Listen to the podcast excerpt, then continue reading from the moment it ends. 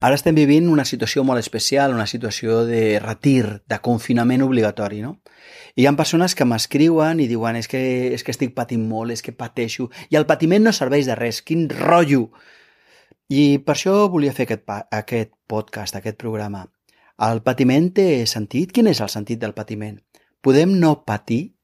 Ja veus que avui abordem aquest tema al quadern del Xerma, el del Xerpa, i jo crec que serà super pràctic i super. Benvinguda, benvingut.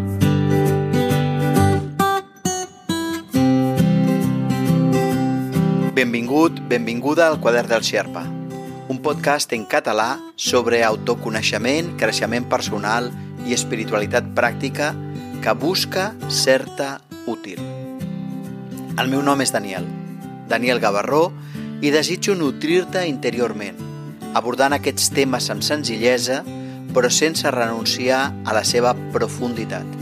Gràcies per ser aquí.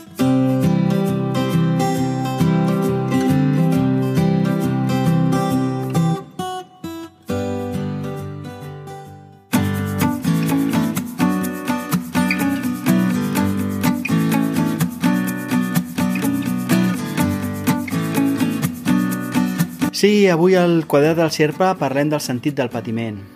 És possible no patir? Té, té, el patiment té algun sentit? Serveix per alguna cosa? I si serveix per alguna cosa, per quina cosa serveix? I, i és obligatori patir i no ens podríem alliberar d'aquest patiment? Caramba, i tot el patiment és individual? No hi ha patiment col·lectiu? Mm, M'he de dedicar a cuidar-me a mi mateix i, i mentre jo faci treball personal els altres que els bombin? Mm, bé, aquest és el tema del programa d'avui, així que benvinguts, benvingudes al quadrat del Xerpa. Avui, el sentit del patiment. Podem no patir?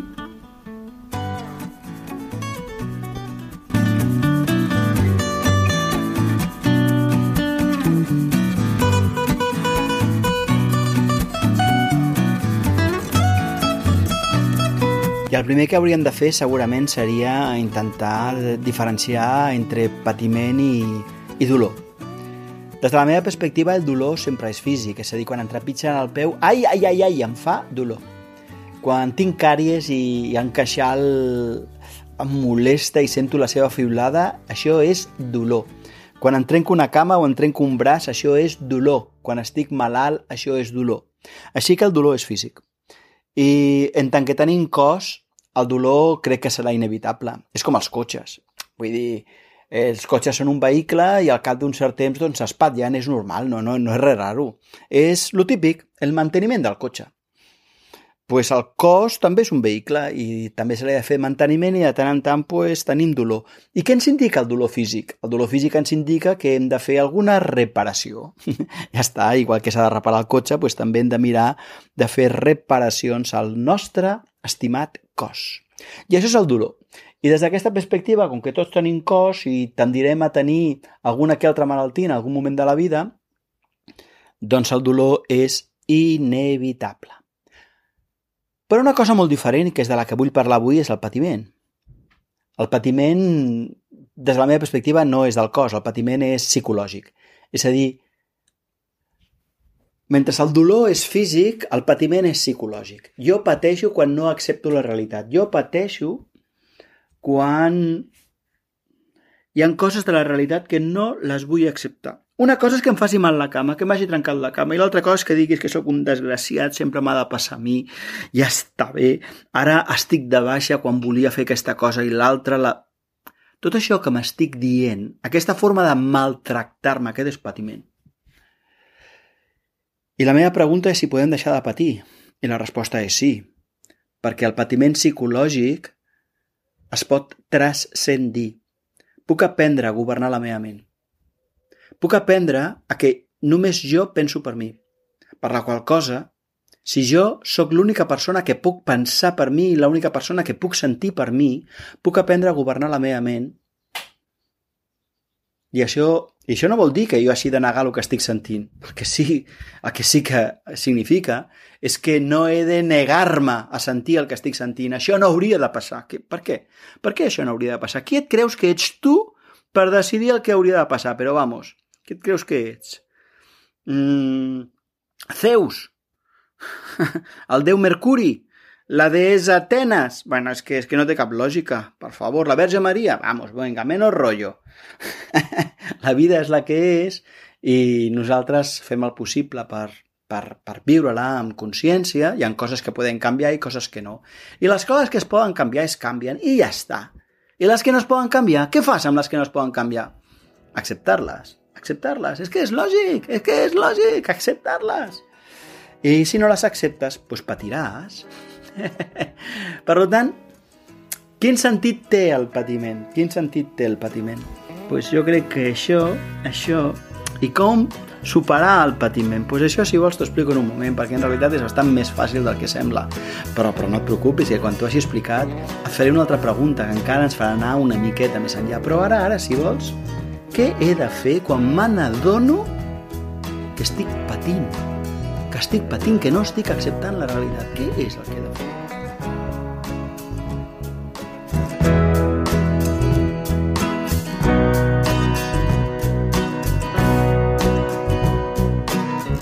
Si vols contactar amb mi, fes-ho a través de la meva pàgina web, danielgavarró.cat, a la secció de contacte.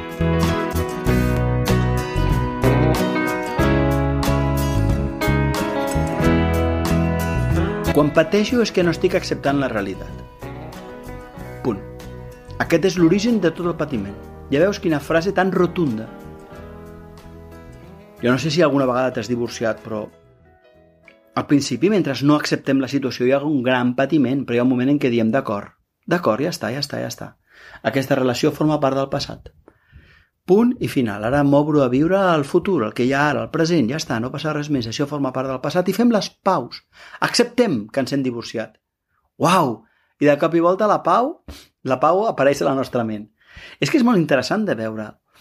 El patiment, el patiment, que sempre és psicològic, perquè si no seria dolor, desapareix quan podem acceptar. I aquí tenim dues opcions. La primera és, a vegades, a vegades ens trobem davant de circumstàncies que podem, que podem modificar. Circumstàncies que no ens agraden i les podem modificar. Doncs les modifiquem i ja està, modifica-les, canvia-les, punto. I si no pots modificar-les, doncs accepta-les. Accepta que, accepta que això no ho pots modificar. I això indica, això indica que les dues coses t'estan assenyalant on està la teva feina. I quan la fas, deixes de patir. I aquest és el sentit del patiment. El sentit del patiment és indicar-te allò que tu has d'aprendre. Sí, sí, el sentit del, del patiment és indicar-te allò que tu has d'aprendre. I hi ha coses que l'única cosa que has de fer és aprendre a acceptar-les. Diu, per exemple, jo no puc ser cada dia que passa més jove, més jove, més jove. No és veritat. Cada dia que passa sóc més vell, més vell i més vell. Punt i final, home. Acceptem-ho d'una vegada. Per tant, l'únic que he de fer és abraçar la meva edat.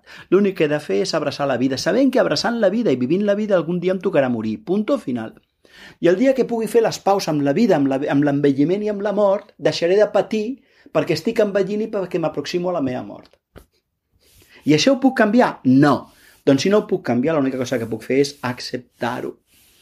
Acceptar-ho, acceptar-ho, acceptar-ho. I com s'accepta? Home, doncs governant la nostra ment. Governant la nostra ment. És a dir, jo he d'aprendre que només jo puc pensar per mi, que només jo puc sentir per mi. I he de fer tota una feina que no ve de sèrie, perquè hi ha gent que creu que aquesta feina ve de sèrie, com els cotxes, els airbags. No, no, no, no, no. no. Mm, els cotxes sí que porten airbag, ara de sèrie. Però la nostra ment, la nostra vida, no porta de sèrie el fet de que nosaltres sapiguem abraçar el que ens toca viure. No, no ho porta. Així doncs, haurem de fer tot un treball de... un treball de ment, un treball interior, en el qual nosaltres aprenguem a abraçar allò que no podem canviar. Però alhora ens tocarà fer una altra feina, que és adonar-nos que hi ha coses que sí que les podem fer. Que en aquest moment no som capaços, perquè no veiem com fer-ho. No ens sentim capacitats o no tenim les forces suficients. Però la dificultat està allà i es pot resoldre.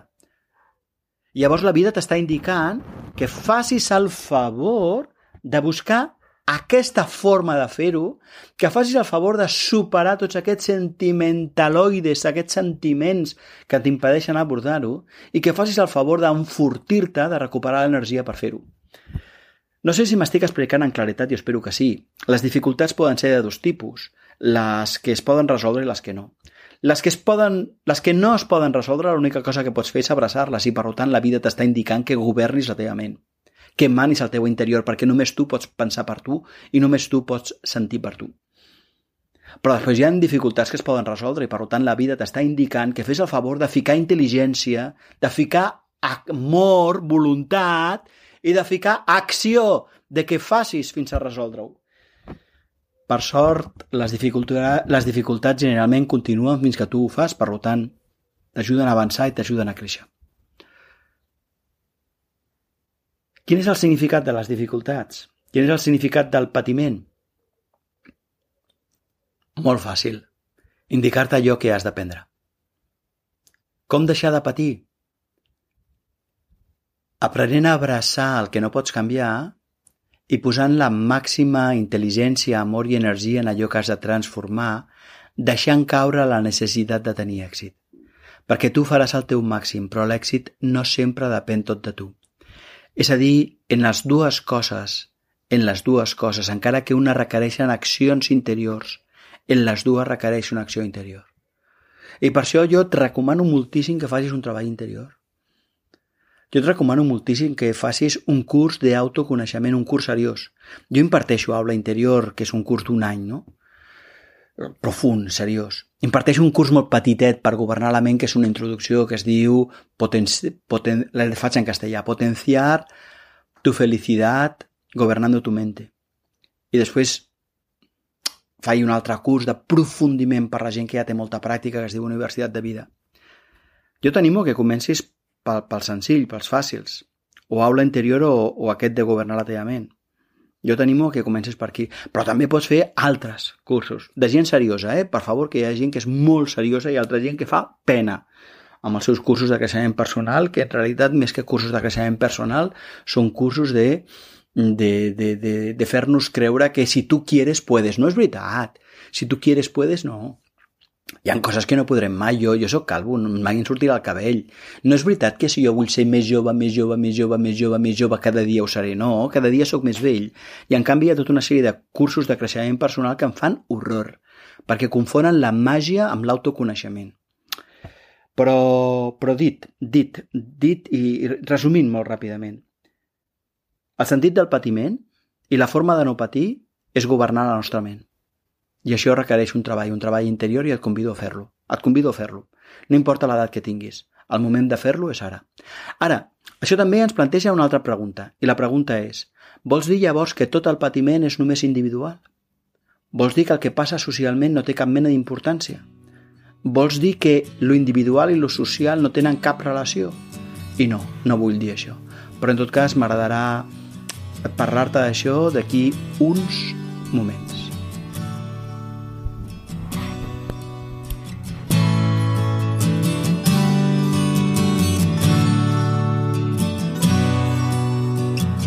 I si vols proposar algun tema per un futur episodi, fes-me arribar la teva proposta a través del correu electrònic que trobaràs a la meva pàgina web, a danielgavarro.cat, a la secció de contacte.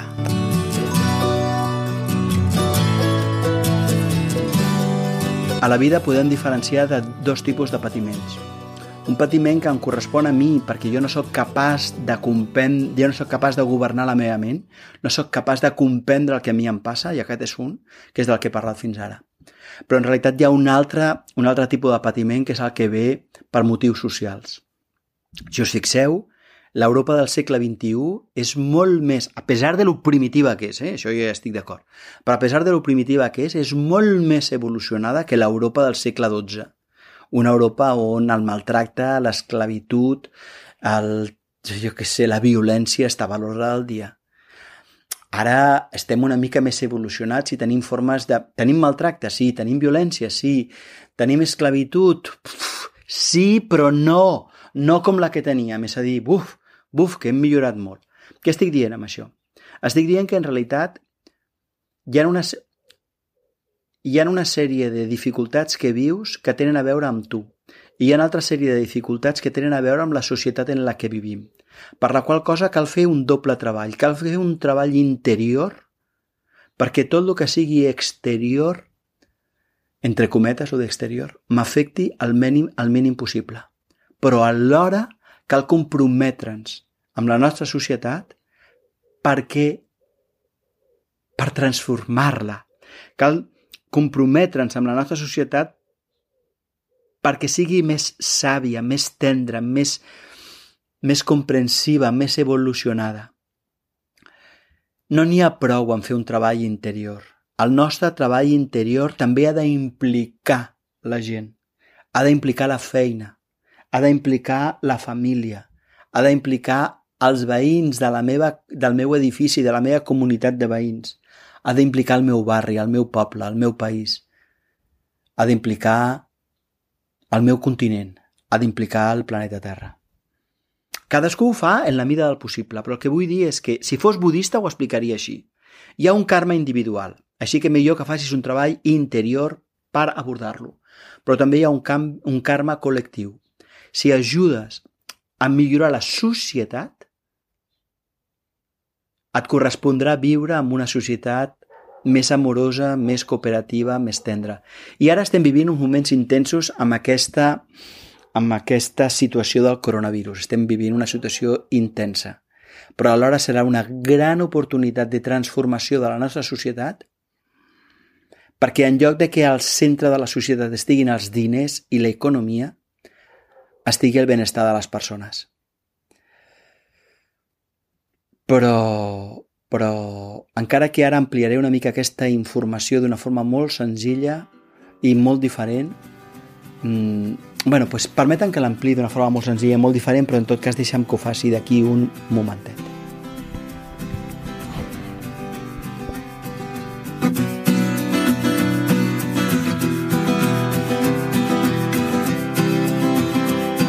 No et perdis cap episodi. Subscriu-te al meu podcast a danielgavarró.cat i rebràs un avís automàticament cada vegada que pugi un nou àudio.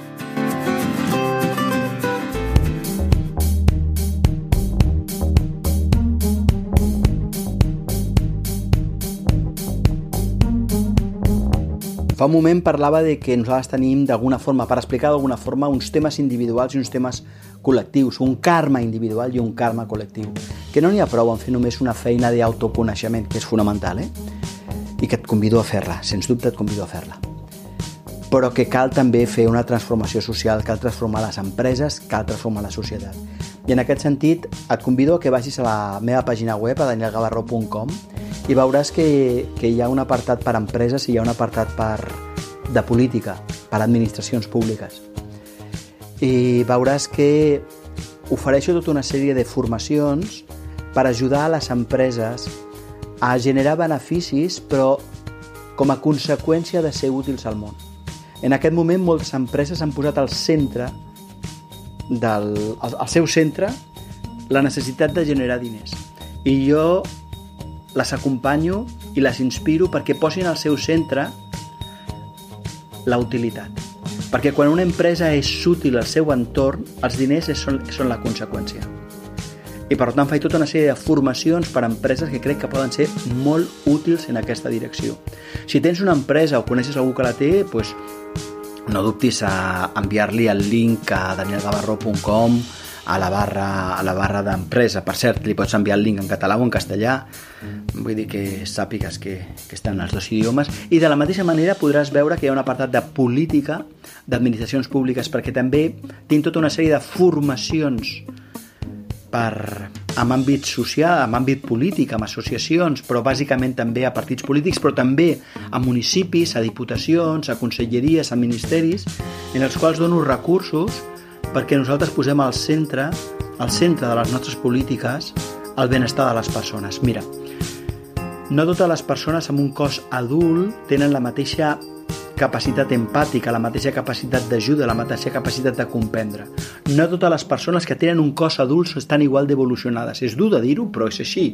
És així. Jo crec que tu, si obres els ulls, si mires, veuràs que hi ha gent que, que té cos adult que és més primitiva que, que, que, que Pablo Picapiedra i en canvi hi ha gent amb un cos adult que són gent amable, sensible, sensata, evolucionada ajudo a les administracions públiques a que la nostra societat evolucioni, perquè quan, el nostre, quan les persones del nostre país creixen, el nostre país creixerà. I no podem deixar el creixement interior, no podem creixer, deixar la consciència cívica o el desenvolupament integral de la ciutadania, com diu la OCDE, en mans de l'atzar. I per tant, les empreses, els municipis, les regidories, les conselleries han de plantejar-se com ajuden a la població a ser més empàtiques, més comprensives, a tenir al centre els valors, perquè quan la, les persones creixen, el país creix. I el sentit del, per tancar aquest, aquest, aquest programa, aquest podcast, eh, vinculant-lo amb el títol, el sentit del patiment, com podem no patir a nivell col·lectiu és molt senzill. El sentit del patiment és indicar-nos aquelles àrees on la nostra ciutadania, la nostra societat encara ha de créixer. I com podem no patir? Ajudant a que les persones creixin, a que siguin més empàtiques. I això té uns passos i té un procés.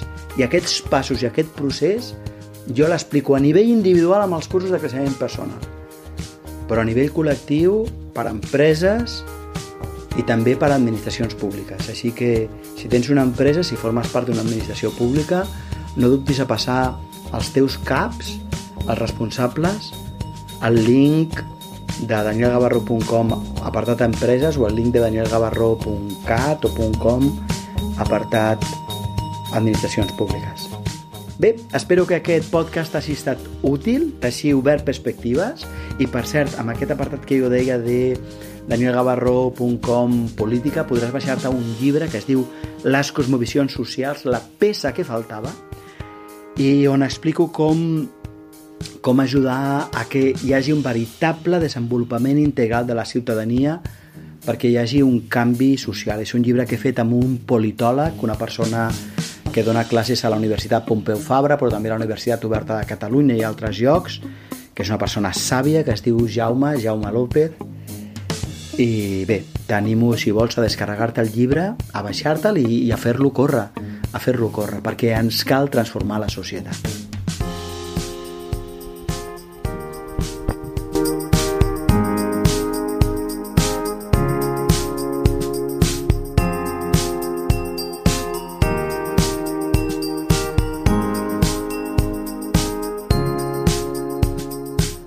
Tant de bo aquest capítol t'hagi estat útil.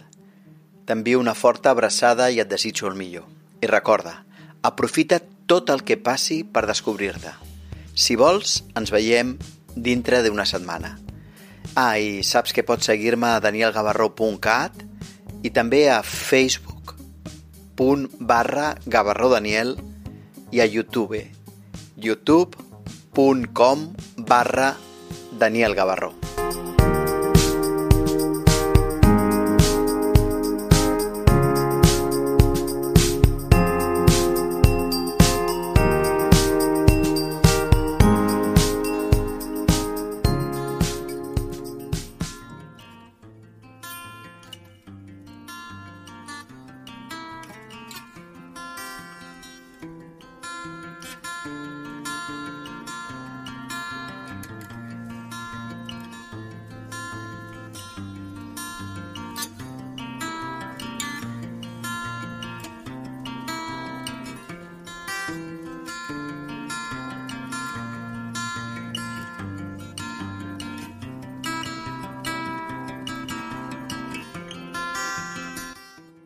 Recorda que allò veritablement útil en el treball interior és fer una feina ordenada, graduada i tutoritzada.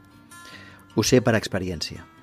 Per això t'animo a que facis una ullada als espais formatius que imparteixo, que els trobaràs a la meva pàgina web, danielgavarró.cat. Però t'animo especialment a que miris el curs aulainterior.cat i el curs en castellà Universitat de Vida online. Crec que et seran molt inspiradors.